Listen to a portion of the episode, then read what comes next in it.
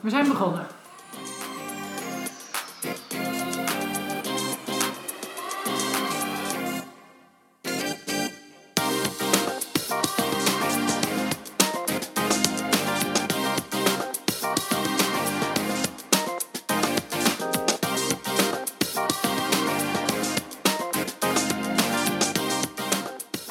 Oké. En hoe beginnen we altijd? Cheers, cheers! Ja, eh, welkom weer bij een, eh, een nieuwe podcast. En deze podcast ehm, nou, hebben we eigenlijk maar een beetje last minute bedacht. Maar omdat we echt in dat momentum zaten. Want deze week hebben wij onze laatste lesdag gehad van WZ4. En daar kregen wij les van de nieuwste Master of Wine in Nederland, Job de Zwart. En dat ging over Zuid-Afrika. Dus het zit nog lekker vers in ons geheugen. Dus we dachten van, die pakken we toch nog even mee. En eh Jan Jaap heeft voor de gelegenheid ook een hele bijzondere wijn meegenomen. Ja, ik ben, ehm, ik heb sowieso zelf ook altijd in, eh, of altijd, ik heb een half jaar in Zuid-Afrika gewoond. Eh, ben er nu al een paar keer geweest en ben echt een soort van verliefd op het land. Het voelt ook echt gewoon als thuiskomen. Ik ga aankomend jaar weer. En het mooie van Zuid-Afrika is niet alleen het, het ruige landschap, de bijzondere natuur, de supervriendelijke mensen. Dus ook de fenomenale wijn die daar wordt gemaakt. Eh, en afgelopen jaar heb ik dan denk ik ook in 2,5 week plus minus 40 wijndomeinen gezocht. Het is ook wel, Lekker eh, ja, het was wel hard werken. Ehm, en daar was ook één plek, ehm, en dat, dat, dat drinken we nu ook. Eh, daar kwamen we eigenlijk aan en dat vonden we zo mooi dat we hebben gewoon maar stiekem een beetje opgebeld naar de volgende dag van God. Ja, sorry, maar we hebben autopech, we kunnen niet komen en hebben we nog een nachtje bijgeboekt. Yes. En dat was eh, bij het, eh, het wijndomein Rijks. En daar heb ik twee flessen meegekregen van ehm, een van de, ja, een van de, ja, de, de gozer waarvan het is, als het ware. En zijn Mhm. vader. Dat is Tiger Dor, eh, Dorrington. En hij is nog maar 21 jaar, maar echt een bijzonder inspirerend persoon. En ehm, ja, bij Rijks maken ze, naar mijn inziens, eh, de top van de top op het gebied van Pinotage en Chenin Blanc in Zuid-Afrika. En we drinken dan nu ook de top cuvée hiervan. Dat is de. Rijks 888 Pinotage Gold 2011. Ja, ik heb nog nooit zo'n pinotage geproefd. Nee, het is, het, is, het is fenomenaal. Weet je, je moet er eh, 10.000 kilometer voor vliegen om het zelf mee te nemen.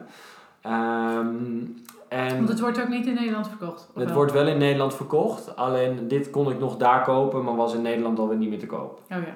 Want er worden 888 flessen Ja, er worden gemaakt. 888 flessen van gemaakt. Dus bijzonder gelimiteerd. En eh, Pierre Waal, de wijnmaker, die selecteert dan ook de beste vaten. Ehm, en ze zitten in Toelbach. En Toelbach is coastal area. Ehm, en ligt ongeveer twee uurtjes rijden boven Kaapstad. Wel binnenland, dus het is fascinerend dat ze zoiets de coastal region noemen. Maar dat is... eh, Ja. ja, mooie logica. En ehm, ja, dan moeten we eigenlijk, gaan we vandaag gewoon een beetje door Zuid-Afrika heen lopen, globaal. En gaan we in de toekomst, gaan we nog eens een keer wat dieper in eh, Ja. op Zuid-Afrika. Maar vandaag hebben we een aantal weetjes, eh, algemene zaken. Ehm, en is het denk ik met name heel erg belangrijk om te benadrukken dat er in Zuid-Afrika een waanzinnig goede prijs-kwaliteit verhouding Ja. is. Dat hebben we gisteren wel gezien in de les. Ja, Het is echt, echt gewoon sick eh, hoe goed die wijnen zijn. En elke keer denk je van, dit moet dan ook heel duur zijn. Maar dat, ja, dat is gewoon niet het geval. Het is Nee. echt een van de beste prijskwaliteit eh, wijnen die, die er zijn. ja, op het gebied van Bordeaux Blend of Cool Climate Chardonnay of Pinot Noir. Maar ook die Eh, Chenin Blanc van Chenin. Blanc. Dus nou, daar moet je zijn. Ehm, dus we gaan eigenlijk eventjes een beetje, de, we lopen eigenlijk de les langs. En je zou denken van, ja, een les klinkt altijd heel uitgebreid. Nou, dat was, in dit geval hebben we de les in vier uurtjes gedaan, vijf uurtjes. Ja, Ehm, ja, het is natuurlijk wel zo dat het niet zo, eh, de, de wijnwetgeving in ehm, Zuid-Afrika is gewoon niet zo uitgebreid als in, laten we zeggen, Chablis. ja, alleen een gebied als Chablis is al ingewikkelder dan de complete wijnwetgeving van heel Zuid-Afrika. Ja. Eh, dus je bent er ook wat dat betreft sneller eh, doorheen. dat gaan we nu doen. En we beginnen even gewoon bij het begin van de six key fa- facts. Ja? Eh, klimaat. Heb ik hier opgeschreven. Wat is het klimaat? Ja, over het nog? algemeen heeft eh, Zuid-Afrika een eh, mediterraans klimaat, Mhm. binnenland, met invloeden van de kust. En dan Ja. met name de Cape Doctor. hè, dus de wind vanaf de oceaan die voor verkoeling zorgt. Ja. Hè, er zijn andere gebieden waar het ook weer anders is. Bijvoorbeeld Elgin, El, eh, Elim Ja, en Hemel- en Aardevallei. Wat, een stuk wat echt een stuk koeler is. Ja, ja wat, ik, wat ik ook wel leuk vond is dat Job vertelde over, eh, want hij is daar dus heel vaak eh, geweest al. En ehm, de, de wijngaarden die dichtst bij de kust staan, die het meest van die wind pakken, daarvan worden de eerste drie rijen niet geplukt. Omdat het, dat, die, die fungeren eigenlijk als een windshield. Windscherm, ja. Dus dat vond ik wel, wel grappig. En nou ja, het voordeel van wind is natuurlijk ook dat het de kans op ziektes eh, of schimmels verkleint. Dus Maar het levert ook gevaar op. maar het levert ook gevaar op. Want door de harde wind eh, kunnen de druiven of eigenlijk de knoppen weer moeilijker ehm, uitkomen. Ja. Hoe moet je dat zeggen? Nou ja, het, dat is een probleem, maar het kan ook gewoon zijn dat de wind zo De sterk flower is. set. Dus ja, Bloeien. De, on- de ontwikkeling, het bloeien. Ja.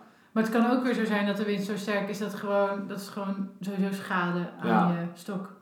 En het is wel echt, in Zuid-Afrika is het zo, als je bijvoorbeeld eh, Constantia, wat letterlijk ook aan, eh, bij, eh, aan de kust ligt. Ja, Dat is als je daar bijna een zit. schiereiland. Ja. Van. Ja. Constantia is ook gewoon, als je daar naartoe, en dan- ik had het afgelopen jaar weer, je rijdt er naartoe. En het is alsof die knop omsta, om, omgaat. En het is in één keer ontzettend harde wind, continu. ja. Wat hartstikke leuk is voor service, maar tot een bepaalde hoogte wat minder voor de wijnmakers. Toch komen er weer hele mooie wijnen uit. Ja, dat, dat sowieso. Dus ze weten het wel. Ja, hoe ze mee om moeten gaan. Ehm, ik heb ook nog het virus opgeschreven, leaf roll. ja. Ik weet eigenlijk niet wat daar de Nederlandse eh, vertaling voor is, maar het is in ieder geval in het Engels leaf roll. En ehm, dat zorgt er eigenlijk voor dat de eh, fotosynthese minder snel gaat. Ehm, en daardoor, nou ja, kan het best, het kan best lang duren, maar het eindresultaat is eigenlijk dat je plant sterft.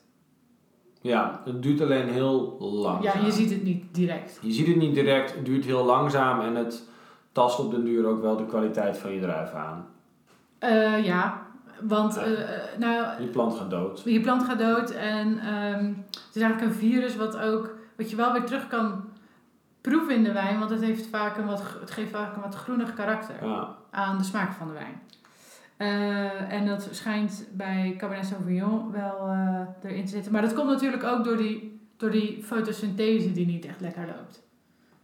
Maar je kan, kan je het zien op de plant? Op de blaadjes? Oeh, dat durf ik niet. eh We schakelen even een hulplijn in. Yes, gevonden. Het antwoord is soms. Soms kleuren de blaadjes rood of een beetje paarsig en krullen ze naar beneden. Eh, dit is niet altijd het geval. Soms komt men er pas na jaren achter of ontdekken ze het in de, in de smaak van de wijn. Eh, de symptomen zijn sowieso duidelijker te zien bij blauwe druiven dan bij witte druiven. Bij witte druiven kan het soms zo zijn dat je het helemaal niet eh, merkt aan de plant zelf. Er staat ook nog van hoe later de, de druif rijpt, dus later rijpende druiven, zoals bijvoorbeeld Cabernet Sauvignon, kan het bitterder worden en kan de wijn ook ehm, eh, minder fruit geven, zeg maar, minder Ja. fruitig zijn. ja. Eh, dus, maar goed, dat is best wel een probleem. Dat is het belangrijkste eh, virus eigenlijk die er is in Zuid-Afrika. Het eigenlijk nog best wel een jong wijnland is, hoewel het is de oudste van de nieuwe wereld. ja, van de nieuwe wereld is, dat klinkt altijd heel gek, maar van de nieuwe wereld is Zuid-Afrika het oudste wijnland. Ja, Je zou het bijna ook een ja, klassiek wijnland kunnen noemen qua historie en, en de invloed. Ehm, maar ja, we, stoppen het nog steeds wel onder het stempeltje nieuwe wereld. ja. maar of desondanks zijn er niet heel veel oude stokken. Nee, en daar zijn ze nu dus ook een, een heel project mee begonnen, die Old Vines Ja. Ehm, eh, want echt een klein percentage van alle wijnstokken is, zijn nog Old Vines. Ja, Om- only, ik had het hier opgeschreven, Ja. 6% is ouder dan 35 jaar. En waarom beginnen we weer over oude wijnstokken? Oude wijnstokken hebben op den duur een, eh, een wat lager rendement. Hoeft niet per definitie, maar in, eh, zie je vaak wel. De druifjes worden kleiner, compacter, maar bovenal geconcentreerder qua smaak. En Ja, juist die smaakconcentratie is ontzettend goed voor het maken van hele bijzondere wijnen. ja. Ik heb er ook een blog over geschreven, mocht iemand het leuk vinden. Eh Vieille Vignes, eh, oude, oude stokken. Dus je kan dat zoeken op de club en dan eh, leer je alles over. Ah, en de reden dat ze dus ook niet zoveel oude stokken hebben, is ook dat er een hele hoop is gerooid. Eh, om maar te voldoen aan de market demands. Dus zeg maar de trends in de markt. Daarom zie je in Zuid-Afrika op dit moment ook gewoon veel Cabernet Sauvignon. Staat er ook best nog wel wat Merlot aangeplant. Terwijl dat een druif is die eigenlijk gewoon helemaal niet zo geschikt is voor het hele land. Ehm, en, en door de marktwerking hebben ze het maar uit de grond getrokken. En zijn ze maar dingen gaan aanplanten die populair, die commercieel waren. En die je over de hele wereld ziet. Ja, En nu zie je juist weer die kentering naar andere druivenrassen, andere methoden, meer experimenteren. Ehm, en, en vallen ze toch een beetje terug op hoe ze het vroeger deden. Wat wel ook Zuid-Afrika als weiland super spannend maakt. Want ja. jij hebt als het goed is nog een, een Grune Veldliner uit ja Zuid-Afrika heb ik staan. Ja, Hè, die heb ik een keer eh, voor je meegenomen. We hebben het Albarino uit Zuid-Afrika heb ik gehad. eh Assyrtiko. ja, ze zijn nu echt een beetje aan het focussen op hittebestendige druivenrassen. Dus mediterraanse rassen. Nou ja, Cirtico Grieks kan zeker tegen een stootje. Mourvèdre eh wordt populairder. Ja. Touriga Nacional, Grenache, Carignan. zijn allemaal druiven die ze nu... Ik heb zelfs een keer Nebbiolo gehad. Dan is dat weer niet de beste hittebestendige druif. Maar het was wel heel interessant. Ja, en Nebbiolo, daar moeten we ook een keer een podcast over Ja. doen. Want dat is toch ook wel echt epic. En ik heb ook het idee dat, het, eh, dat die het eigenlijk alleen maar in Piemonte doet. Echt goed. Ja, ja het is, ik kan je niet zeg maar laten proeven wat ik in Zuid-Afrika heb geproefd. En ik heb drie uit Zuid-Afrika geproefd. Maar ik moet zeggen dat ik alle drie ook echt, waren ook goede producenten. Eh, De, de Morgenster en Steenberg heb ik sowieso van geproefd. Was wel echt, echt, echt buitengewoon. Oké, oké. Ja. Nou, ik ben heel benieuwd. Eh, dat gaan we dan nog eens een keertje doen. Van die oude old vines is eigenlijk Chenin Blanc het populairst. Wat ik, of het eh, komt het meest voor eh, als oude stok. Wat ik nog wel grappig vond, eh, is dat eh, er een hele andere druif commercieel het aantrekkelijkst is om te planten. Dat vroeg je op namelijk. Eh, en die, eh, van welke druif zou dat zijn? Nou, Is we noemden eh, ongeveer alle druiven op die er bestonden, maar ze allemaal niet. Is dat de Ruby Cabernet? No, no. Het is een witte. Oh ja, Columbar. Nee, dat zei iedereen. Maar volgens mij kwam jij toen net later binnen of zo. Oh ja, maar ik kwam, oh ja, we waren net iets te laat. Dat is namelijk Sauvignon Blanc. Dat is zeg maar commercieel gezien de beste om aan te planten. Ja, Omdat hij eh, hoge opbrengsten heeft, maar ook er wordt het meeste geld voor betaald. En het is makkelijk fermenteren. Het is gewoon... alles is makkelijk. en het Eh, levert geld op. Ja, Dus dat ehm, over de druiven. Maar nog even de belangrijkste druiven die we daar zien. eh, zijn, nou ja, Chenin Blanc natuurlijk. Een beetje nationale trots geworden. Eh, van, eh, van Zuid-Afrika. Colombard doet het natuurlijk goed. Wordt vaak ook geblend. Voor in de bulkwijn. En, en productie. zie je, ik ben afgelopen jaar ook toevallig naar Worcester. Je schrijft het als Wor- Worcester als het ware, Ah, maar je noemt ja. het Worcester Oké. op zijn eh, Afrikaans. En wij reden naar een, een game reserve en dat was ook zo'n 2,5 uur rijden. Mhm. En op een gegeven moment reden wij echt door een soort van oase van groen. En ik, ik, daar werden dus ook de druiven geplukt, maar dat was zeg maar muscat, colombard. Het was echt zeg maar massaproductie. Ja. Alleen maar groene wijnvelden. Wel heel interessant. Maar wordt er ook goede Colombard gemaakt? Ik heb één keer een colombard uit Swartland gehad van eh, African Wines. En er was ook eh, met wat houtlagering, hele beperkte oplagen. En dat is wel echt de, de meest funky en interessante Colombar die ik ooit heb gedronken. Oké. Um, over het algemeen, uh, Colombar wordt daar gewoon als blending partner gebruikt. Uh, dus het, het, is een vrij neutrale druif in de geur, maar heeft het hele mooie zuren. Ja, ja. Uh, dus door het zuur wordt het vaak meegeblend om Nou, toch een beetje ja. spanning te geven. Ik vind ook in Gascogne zie je het natuurlijk veel, in Frankrijk.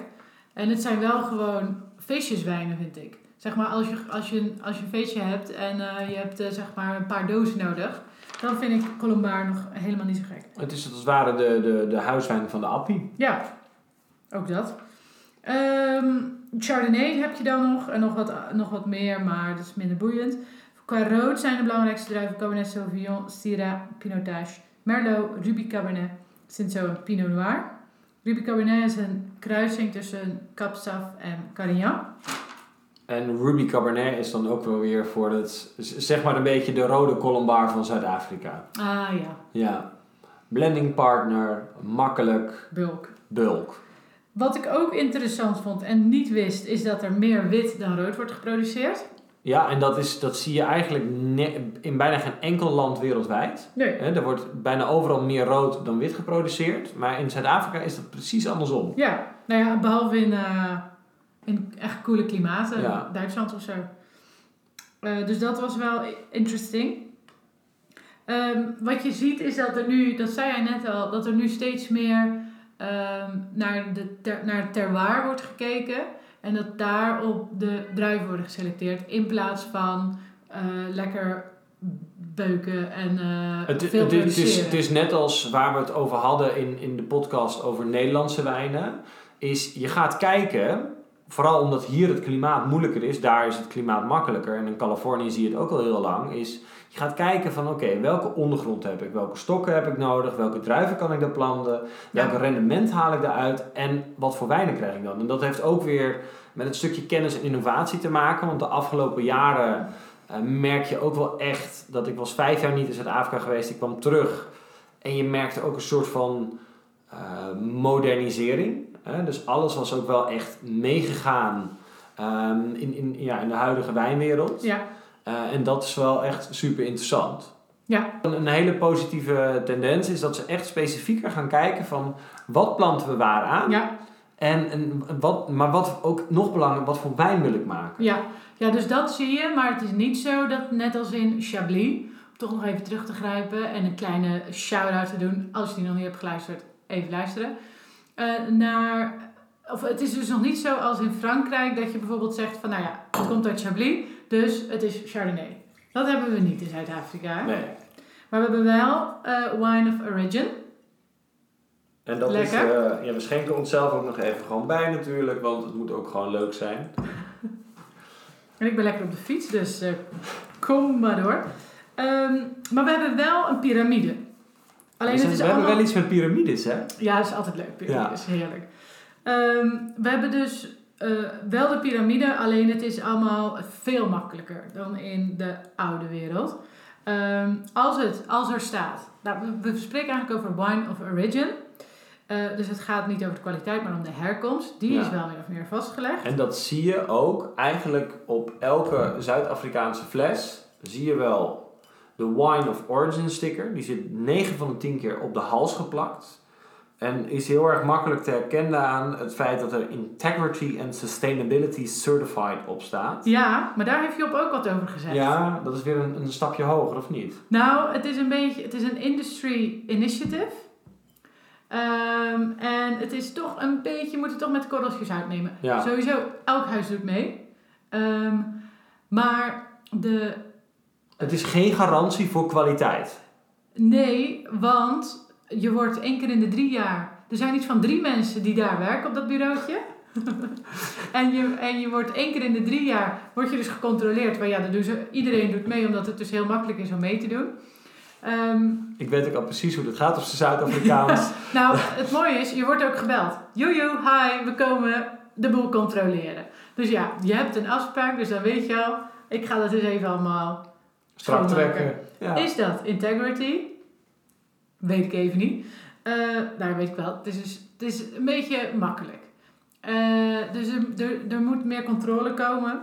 Eh, dat is er nu nog niet. Eh, maar ja, dus die sticker. het is, het is leuk dat je het op elke wijnfles ziet, maar het is ook belangrijk om te weten wat er dus achter die sticker zit. Is dat het initiatief wel goed is, Ja, maar dat Dus de, de uitvoering. ja. De controle moet, moet eigenlijk strakker.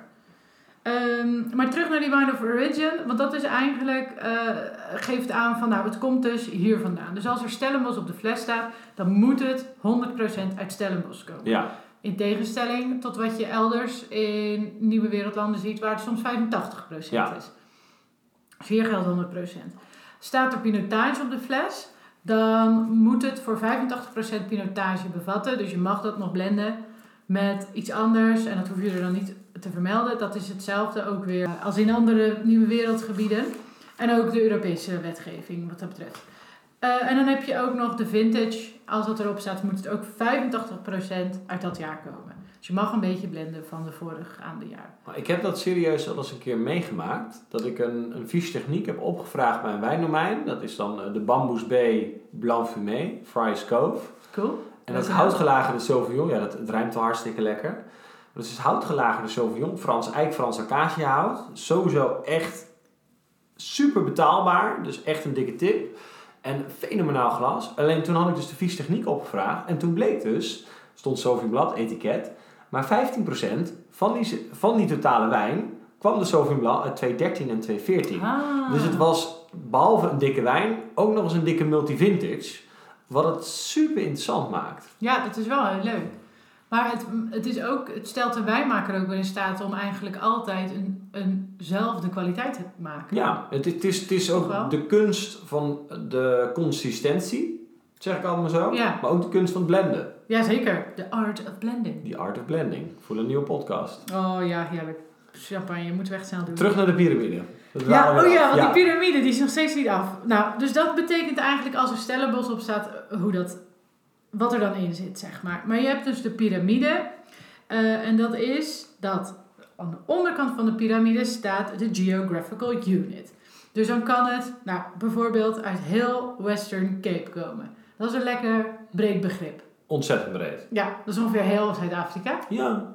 Er nou ja, heel, heel, wijnbouw, heel, heel wijnverbouwend Zuid-Afrika Ja. praktisch. Ja, er zijn, er, er zijn volgens mij vijf of zes, oh zes, eh, geographical units. Dus, maar die zijn toch, Western Cape is wel echt eh, Grootste. het grootste en het belangrijkste. Daarboven staat region. Dat zijn er ook zes. Dus dat is dan weer binnen die geographical unit. Ja. Coastal region bijvoorbeeld. En dan hebben we district. Ja, district is dan bijvoorbeeld Stellenbosch. Ja, bijvoorbeeld. Zijn er ook weer 29 van. En binnen een district hebben we weer een ward. En dat is ook eigenlijk eh, iets wat we de laatste jaren hebben gezien, is die wards zijn dus weer eigenlijk kleine subgebieden. Net zoals we de Bourgogne onderverdelen of de Bordeaux onderverdelen in Haute-Médoc, Pauillac. Hebben we, zijn ze daar nu in Zuid-Afrika mee begonnen om dus ook eh, binnen een District? district duiding te geven van wat is binnen dat district een bepaalde Ward? wordt. En wat kan je daar misschien specifiek verwachten? Ja. Of wat is daar zo bijzonder aan? Ja, Terroir, microklimaat, komt er een specifieke druif vandaan? Kijk, dat zijn allemaal dingen die zijn nu nog ontzettend... eh dit is een beetje zweverig nog, Ja. want het, het- we hebben nog niet al die kennis in huis. Want in Nederland heeft iemand hier ook een scriptie over gemaakt. Die heeft zelf op basis van coördinaten de kaart moeten laten maken. Want er was hier nog niet Ja. eens een kaart van. het was nog niet eens bekend. Nou, en je hebt ook wel eh, het, het feit dat je soms misschien ook wel gewoon Stellenbosch op je fles wil zetten, want dat kennen we. Ja, En Banghoek, nee, terwijl Banghoek wel een heel mooi ehm, subgebied weer is. ja, En toevallig, toen ik de afgelopen jaar was, had je ook, eh, had ik een wijn van, uit Banghoek van hooggelegen eh wijngaarden. Eh, toevallig een Cabernet Sauvignon. Dat waren de laatst rijpende eh druivenstokken van bijna heel Stellenbosch. Ja. Dat had natuurlijk ook te maken met de hoogte, maar Ja. ook de specifieke plaats. ja. Ja. Nou, ik denk dat we daar wel steeds meer eh, naartoe zullen gaan. Alleen nu zegt het gewoon voor de mensen nog niet zoveel. Dus eh, er worden gewoon heel veel wards nog niet gebruikt. En we drinken met z'n allen nog steeds heel veel Stellenbosch. Of Western Cape White. Ja, terwijl... Dikke blend. Terwijl het wel echt, als je Zuid-Afrika een beetje leert begrijpen. Kijk, Stellenbosch is van oudsher Simon van der Stel, de naamgever, is een Nederlander, dus dat is sowieso top. Ehm, is een heel belangrijk gebied. Alleen er zijn natuurlijk veel meer andere gebieden. Swartland, Ja, super spannend wat ze daar allemaal doen. Eh, veel bushfinds, hè, om vanwege de droogte. En eigenlijk is Swartland een gebied wat nou, tot, tot 20, 30 jaar geleden voornamelijk werd gebru- gebruikt als de graanschuur van Zuid-Afrika als het ware. Hè, veel normale conventionele landbouw. ja. Maar waar ze eigenlijk helemaal overstag zijn gegaan naar wijnbouw. Nou, maar je ziet nog, nog steeds dat mensen toch weer terug switchen. Ja. Zeg maar, aan de ene kant eh, wordt het populairder en willen wij het ook zeg maar, meer drinken. Dus er is meer eh, export. Aan de andere kant is het nog steeds heel moeilijk en om eigenlijk te overleven als wijnhuis wijnmaker. Omdat het eh, heel veel van die, van die wijnhuizen die hebben niet per se zelf hun wijngaarden. Dus die kopen dus de druiven. kopen de druiven op. Eh, Job vertelde ook dat het, als je een estate wine wil maken, dan moet je volgens de wet minimaal 20 hectare hebben zelf. Nou, dat is natuurlijk ook een bizarre regeling ja, Zuid-Afrika is natuurlijk ook een land dat door apartheid getekend is. getekend is, maar daardoor ook af en toe hele bijzondere regelgeving heeft, die gewoon op de een of andere manier totaal niet te verklaren is. Ja, want ook vertelde hij dat je ehm, een single vineyard wijn, dus als je een single vineyard wijn wil maken, dan mag die ook niet groter zijn dan x hectare. Volgens mij iets van 6 of 8. Daar zitten ook weer regels aan. Dus is een maximale grootte voor een single vineyard. Nou, dat is natuurlijk ook mucho weird. Ehm, maar nog even terug naar die growers. Eh, want die, die kunnen eigenlijk nog niet echt leven van hun gewassen. Nee, Eh, en wel van bijvoorbeeld rooibos. Dus je kan dan beter je wijngaardje eh, opdoeken en rooibosstruiken, ik denk dat het een struik is, ja. een boom, een struik, eh, aan planten. Want daar verdien je gewoon meer mee. Ehm, appels zie je ook veel. Appels, echt, echt fruit, kiwi, appels, daar, daar, daar krijg je gewoon veel meer per kilo voor betaald dan druiven. Ja, Wat, wat zeg maar voor de hele wijnwereld, en als je kijkt naar Europa, is het echt de omgekeerde wereld. Want daar kan je voor, in Europa krijg je voor de druiven best wel oké betaald. ja, hij vertelde dat je voor 1 hectare, dat dat 3500 euro kost om die te onderhouden. Dus dat zijn je kosten. Je krijgt 350 euro per eh, ton fruit. Ja, Per ton eh, bedrijven dus. Dus dat is je revenue. Dus je moet 12, eh 12, hec- 12 ton verkopen om break-even te zijn. Of in ieder geval iets meer te verdienen. Nou, dat is best wel heftig. En als je dan bedenkt dat je met je rooibosstruikje meer, meer kan eh, ophalen, dan is dat natuurlijk makkelijk. Nu zijn er wel een paar producenten al opgestaan die zeggen van oké, wij betalen meer. Mhm. Van welke, weet jij nog welke? Je hebt ehm, de, de allerbekendste is natuurlijk Cedi? Ja, Ibn Sedi. Die betaalt echt eh, een soort van 10 keer de norm of zo. Ja, die betaalt in ieder geval sowieso veel meer. En, en je hebt een aantal grotere jongens, toonaangevende eh, jongens, maar ook vooral wijnmakers die vaak ook zijn aangesloten bij het Cape Winemakers Guild. Ja. Ehm, die, die ook meer betalen. En die, En die- ook. die growers, die willen, ook, die willen dan ook al wat meer. Het is ook een soort van, van status dat je daaraan levert. Dus dat werkt al. Maar er zijn er ook nog heel veel ja, waar dat gewoon nog niet zo leeft. En die, ja, die dan dus gewoon eh, eieren voor hun geld kiezen. Ja, en, En dat is best wel een probleem. En dat is ook hartstikke logisch. Want als jij twee keer Ja, zoveel krijgt door kiwis aan te planten, waar je twee keer, zo, twee keer minder werk van hebt, waarom zou je dan druiven doen? Ja, maar goed, de oplossing is ook eh, een ho- hogere prijs. Ja, Maar ja, En dat is ook marktwerking. Ja. Wij zijn ook gewend om in Nederland helemaal niet veel voor onze Zuid-Afrikaanse wijn te betalen, omdat het letterlijk Ja. in bulk, in containers naar Nederland verscheept wordt. ja, Hè, dan wordt het in Nederland gebotteld, want dat is accijns en belastingtechnisch veel voordeliger. Ja. En dan komt het in de supermarkten terecht. En dan denken we in de supermarkt van, ah, wat is dit voor Zuid-Afrikaanse, oftewel Kaapse bocht. Terwijl in Zuid-Afrika zie je dat soort wijnen gewoon niet eens in de supermarkt staan. nee, en dat is ook weer zo zonde. Maar dat is wat dat betreft ook weer vergelijkbaar met, met chili. Ja, Ehm, dat, het, dat, dat dat ons beeld is. Of in ieder geval het beeld van de massa. Is dat je de goedkope eh, wijnen eh, uit Zuid-Afrika haalt. Maar ja, wat weinig mensen weten is dat er dus ook echt pareltjes zijn die nog niet zo duur zijn. Het, we zitten nu ook in te drinken natuurlijk, maar dat is, daar, daar, daar komt de proefnotitie straks over. Maar ik, ik kan niet genoeg beamen hoeveel, en ik heb zoveel mooie wijnen ook in Zuid-Afrika al geproefd en ook gewoon in Nederland. Het, het is zo, weet je, we hadden laatst had ik een proeverij van de Cape Winemakers Guild. Dat is dan een pre-auction tasting. Dus je kan daar, je moet daarvoor uitgenodigd worden. Het is echt super prestigieus allemaal. Ja. De duurste wijn was 115 euro. De goedkoopste was 45. Wel wijnen die allemaal super jong waren en nog wel wat tijd nodig hadden. Maar als je ziet wat je voor de duurste wijn moet betalen, internationaal, nou dan is die zo al veel meer zijn geld waard dan alle klassiekers over het algemeen. En daarvoor krijg je ook veel meer wijn, veel meer smaak. Ja, het is nu eigenlijk nog de status, het statusbedrag, zeg Ja. maar dat zit er nog niet echt op. Wat je natuurlijk wel al in de oude wereld hebt, of met al die nou ja, Chablis-producenten, dan betaal je gewoon een meerprijs, omdat het eigenlijk marketing is en marktwerking. En dat heb je gewoon nog niet in... eh, Je, hebt, je hebt niet een soort van first growth van eh, Zuid-Afrika. Nee. Al ja, heb je wel toonaangevende gewoon- producenten. Eigenlijk zou je het gewoon moeten kopen. Het is eigenlijk gewoon een investering. Ja, Want hoe ziet het over vijf jaar eruit? Dan zijn we filthy rich. zeker. Als we al die wijnen... De hele kelder vol. Super cool. Ehm, even kijken wat ik nog meer had opgeschreven. We hebben ook nog een hele van alles gezegd over whole bunch pressing. pressing. Ehm, wat de voordelen en nadelen daarvan zijn. Dat is sowieso een hele interessante, überhaupt. Ook, ook of het nou wel of niet Zuid-Afrikaans is, maar dat vond ik sowieso heel Dat interessant. vond ik ook heel leuk. Maar daar kunnen we ook weer een hele podcast over vullen. Eh, omdat, omdat je daar ook nog Bourgogne natuurlijk kan meenemen. Ja, Daar is wel van alles over te vertellen. Dus dat, komt dat komt later. Dat komt later.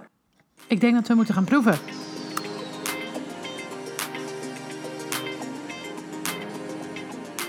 Deze beschrijven, denk ik. Hè? Ja, we gaan even een proefnotitie doen. En voordat we die proef We moeten iets dichter bij de mic ja, zitten. Ja, we gaan even op de, op de microfoon zitten weer. Want anders gaat het mis, hè? We gaan dus een eh, proefnotitie doen. En dat gaan we doen over, ik, ja, vind ik wel, ik ga het ook gewoon zeggen, de trots van Zuid-Afrika als het neerkomt op rode druif, rode wijn. Ja. En dat is Pinotage. Pinotage. En Pinotage is een kruising tussen Cinsault. en Pinot Pinot Noir. Eh, is altijd ook gekruist met een intentie om een soort van makkelijk gedijende wijn die toch wel karakter had te produceren, maar het moest wat lichtvoetiger, wat eleganter, Ja, die meneer die was fan van Pinot Noir, maar wilde eigenlijk... wat meer body. Ja, en het ook gewoon hittebestendig. Ja. En daar Maar- is uiteindelijk dus Pinotage uitgekomen. En ja, de, Zijn doel is wat dat betreft eigenlijk niet bereikt. Want volgens mij wilde hij meer een Pinot Noir stijl. ja, Dat heb, dat, maar het is desalniettemin het hierin is, eh, heel goed Het uitgepakt. is hierin heel goed uitgepakt.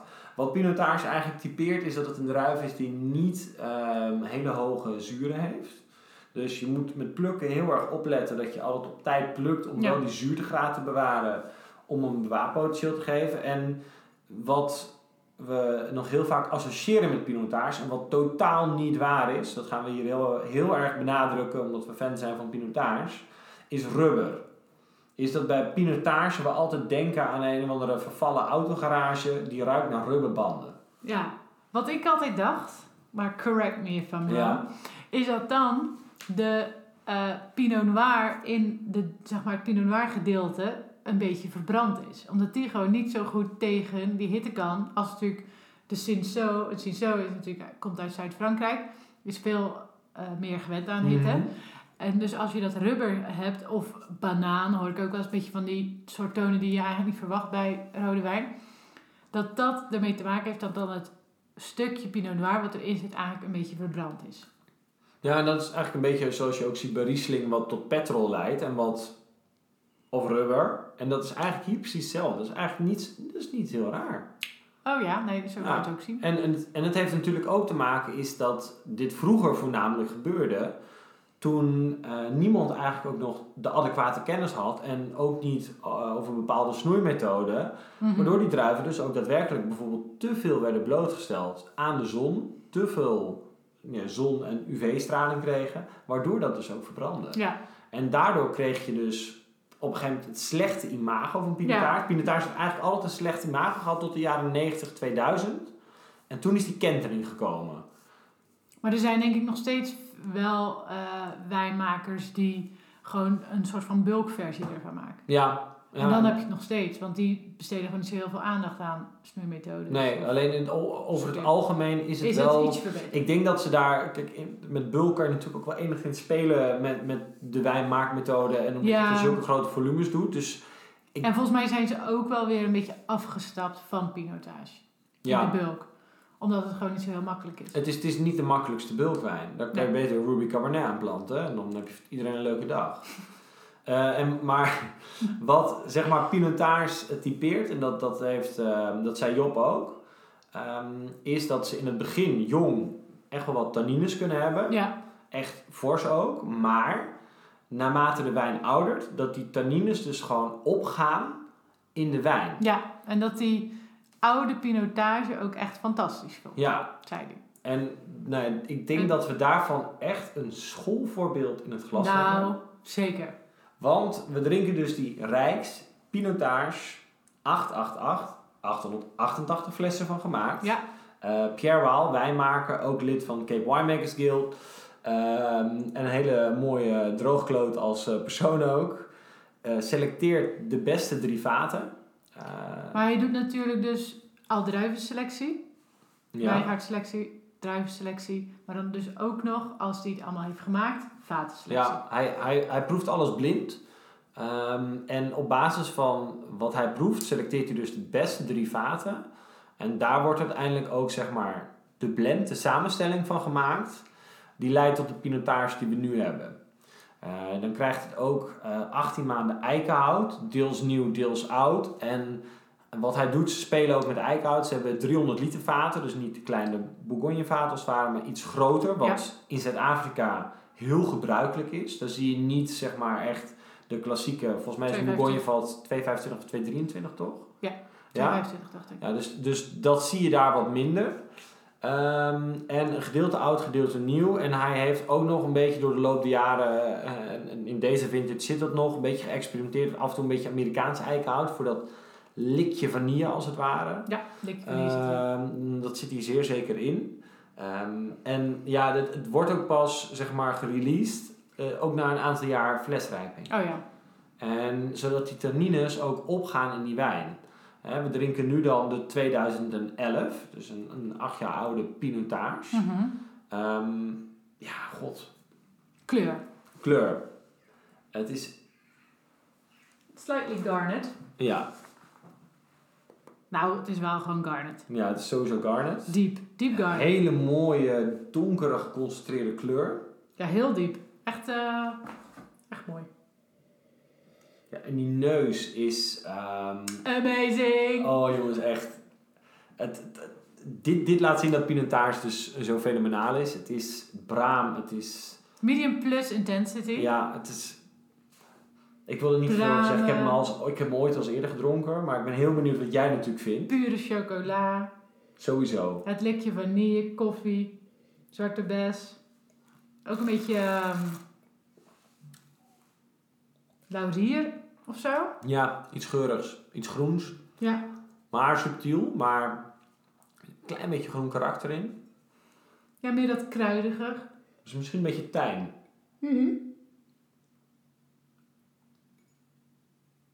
Ja, en ook gewoon zo'n lekker bakje met zwart fruit. Ja, gewoon een, een forced fruit mix als het ware. Ja, en Ja. dan echt die pure choco, vanille. Kokos?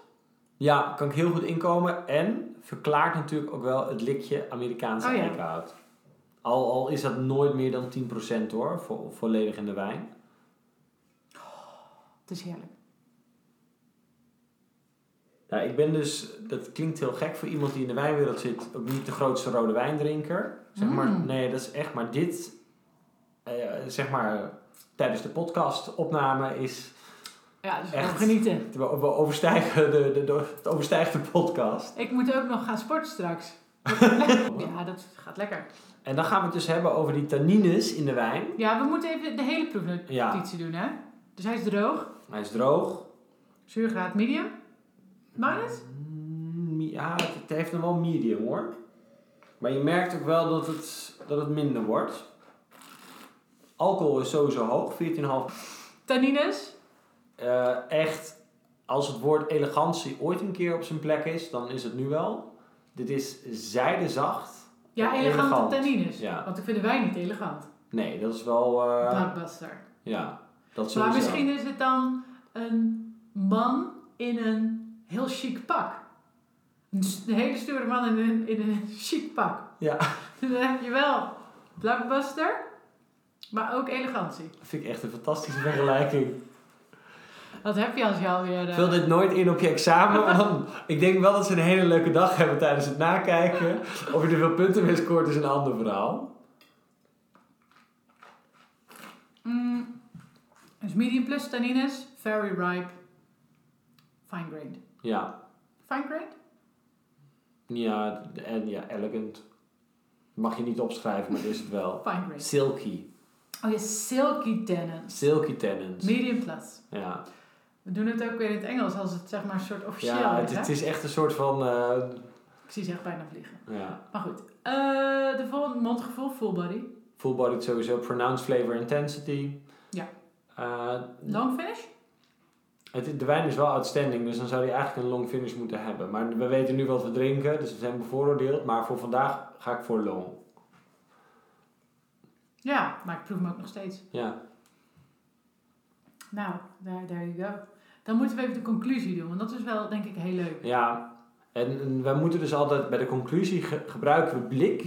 Dus the wine is balanced, the wine has length, the wine has intensity en the wine has complexity. Ja, maar als we het zo op zouden schrijven, hebben we nul punten. Nee, dus je moet wel verklaren waarom, Waarom? de wijn balans heeft. Ehm, ik zou zeggen dat de wijn balans heeft doordat de tannines heel erg geïntegreerd zijn. Bijzonder goed zelf. Bijzonder goed geïntegreerd. Het alcohol is hoog, maar heb je totaal niet in de gaten. Nee, Of tenminste, dat, dat, dat klopt bij de rest. Ehm length. Length, nou ja, long finish. Daar Ja. kan je weinig eh, verder We over hebben zeggen. hem nog steeds. Het is gewoon lang finish. Dus dat, dat, daarop score je al full 12 points. Score je daar. Dan hebben we eh, intensity. Nou, daar scoren we ook wel de gezegd pronounced. We hebben hele intense smaken. Het is, hij geeft veel in de neus, hij geeft veel in de smaak. Hij is complex op je palet om meteen op complex te komen. Ja, dat is dus al die aromas die we hebben opgenoemd. En dan stel je ze alleen maar eh, in één cluster aroma's, dus alleen maar een beetje zwart fruit of zo, dan zou je zeggen van die is niet complex. Nu hebben we eh, primaire tonen, dus dat zwarte fruit. We hebben secundaire tonen. Vanille, kokos, eik, En we hebben tertiaire tonen van de flesrijping. chocola, een beetje, tabakken. tabakkig, ja. Ehm, dus dat bij elkaar maakt hem wel weer heel complex. Nou, dus dan hebben we eigenlijk scoren op al die eh, punten. Dus dan heb je een outstanding wine. Zo doe je dat. natuurlijk niet iedereen kan dit elke dag drinken. Ik heb het zelf ook speciaal uit Zuid-Afrika meegenomen. Kan je misschien vertellen hoeveel het kost? Ehm, als je dit eh, wilt kopen online nu, betaal je rond de 120 euro. En dat is, ik kan het me voorstellen, voor Zuid-Afrikaans rood natuurlijk buitensporig veel geld. Want we hebben altijd zoiets, dat moeten we voor Bordeaux, Bourgogne betalen. Eh, neem niet weg dat je hier wel dezelfde elegantie, verfijning en zeg maar pure expressie in het glas voor krijgt. Ja. Is een hoop geld. Neemt ook niet weg dat er nog steeds zoveel goede pinotages zijn in eigenlijk onder die 20 euro. Zelfs, zelfs onder een tientje kan je ook echt nog wel een interessante pinotage vinden. Ja, nou ik ga vrijdag weer, dan ga ik de Pinotage van Kanonkop 2010 proberen. Ja, en dat is, we hebben van de week, hadden we 2,15 denk ik daarvan. Ja. En bij 2,15 merkte je nog die tannines. Ja. En bij 2,10 gaan we Ben benieuwd. hopelijk zien dat die tannines ook geïntegreerd zijn. Mooi. Ik vond het een leuke... Ja, Ik vind het een leuke wijn. En ik vond het ook een leuke podcast. het is echt, we hebben natuurlijk lang nog niet alles besproken wat je kan bespreken over Zuid-Afrika. Ik denk dat we ook gewoon verder gaan met, met alle gebieden. Want Ja. je kan ook een podcast doen over Zwartland. Zwartland kan je met gemak een hele podcast over vullen, net, net als Stellenbosch. Ik denk dat we voornamelijk met z'n allen eh, Zuid-Afrikaanse wijn een kans moeten geven. Zeker. Ehm, dat de prijs-kwaliteit fantastisch is. Dat het een buitengewoon mooi land is om ooit een keer in je leven Ja. bezocht te hebben. Het staat echt hoog op mijn lijstje. Ik heb het voorrecht gehad om er al nou ja, te lang te hebben gewoond en te zijn geweest en alles hebben meegemaakt. Ja. Alleen daardoor ben ik ook echt verliefd geraakt op Zuid-Afrikaanse wijn. Mhm. En daardoor geloof ik er ook gewoon in. En, Ja, en ik het, ook. Het spannende, het experimentele. Ik, als mensen mij ook vragen van wat vind jij op dit moment het spannendste of het leukste wijnland? Is mijn antwoord altijd, en je kan het aan mijn wijnkaart zelf zien, Zuid-Afrika. Ik heb heel veel Zuid-Afrikaans, maar ook heel betaalbaar, heel spannend, Mhm. heel smaakvol en heel erg veelbelovend. Mooi. Mooi En, eh, einde. Met deze wijze woorden proosten wij met het laatste slokje Yay. op eh, de Zuid-Afrika podcast. Ja. Maar ja, ja, wat wordt de volgende? Moeten we ook altijd zeggen. Ja, we gaan het de volgende keer hebben over, en nu mag ik gewoon, Nadine kijkt me aan, ze heeft geen idee wat ik nu ga zeggen. Ehm, maar we gaan het doen over sherry. Oh, leuk. Ja, wil ik. Vind ik echt leuk. Ja, want dat is ook zo interessant en zoveel mensen vinden het zo vies. En we gaan echt uitleggen waarom sherry in de verste verte ten eerste niet vies is, maar je moet leren waarderen. En ten tweede waarom het zo bijzonder gastronomisch breed inzetbaar is. Het is echt geweldig. Ik heb echt mijn hart verloren uit sherry. En er zijn natuurlijk heel veel kwaliteitsverschillen. Maar het, het is zo leuk. En we gaan het ook vooral dan hebben over de trends. Ja, Want oi, oi, oi. Daar raak ik ook niet over uitgepraat. oh, er zijn zoveel gave dingen. Eh, Oké, nou dan eh, hebben we het afgehandeld. Ehm, laat een recensie achter in de iTunes eh, of in de Apple Podcast app. Eh, en abonneer je op ons kanaal. Dan zijn we blij. Ja, en laat vooral weten weer wat je ervan vond, feedback, wat je graag wilt horen de volgende keer. En als je denkt, daar wil ik nou echt wat meer over weten, laat het ons vooral weten. Dan kunnen we het misschien gewoon nog een keer behandelen. Staan. Yay!